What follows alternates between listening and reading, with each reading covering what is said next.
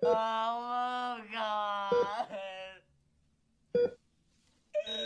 Oh fuck. Hai guys, balik lagi sama gue Andri.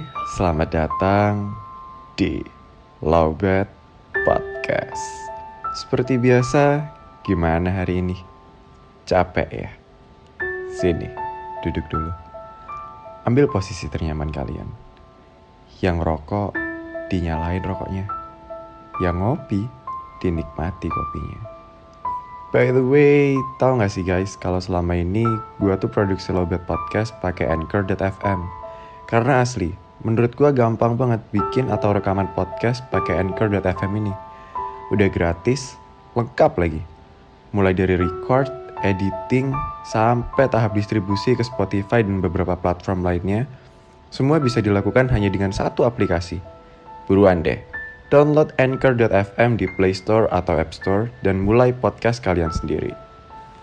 Sebelum episode ini dimulai, jangan lupa untuk follow, nyalain lonceng notifikasi, dan bantu kasih bintang ya. Pernah gak sih? Kamu ketawa tuh cuma buat formalitas aja.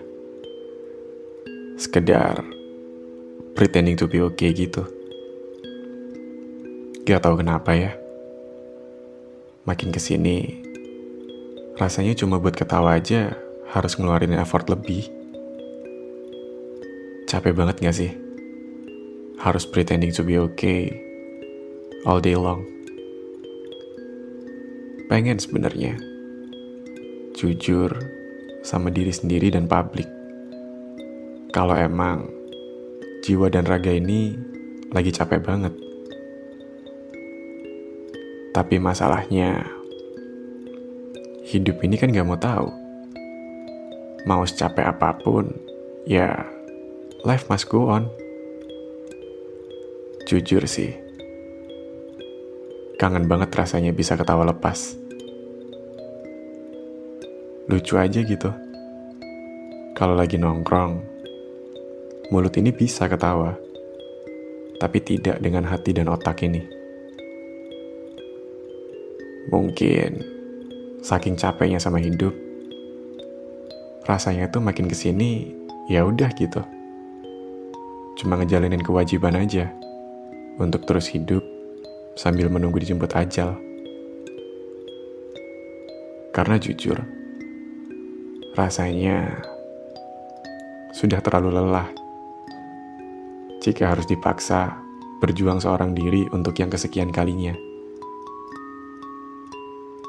Umur sudah semakin tua, tapi hidup masih gini-gini aja. Jangankan untuk berjuang, demi ketawa aja, rasanya harus effort banget gak sih? Mungkin ini adalah semua alasan dibalik kalimat orang yang tertawa paling kencang di tongkrongan adalah orang yang sedang memikul beban paling berat. Karena ya mungkin itu adalah satu-satunya momen di mana dia bisa ketawa lepas setelah harus menggunakan topeng fix smile sekian lama. Kini aku tak tahu lagi apa yang bisa menyelamatkanku dari jiwa yang hampir mati ini. Karena rasanya cinta saja sudah tak akan cukup untuk menyembuhkan semua luka ini. Bahkan, kasih cinta dari orang tua pun kini sudah tak ada rasanya. Kini, aku hanya bisa berpasrah pada Tuhan dan waktu.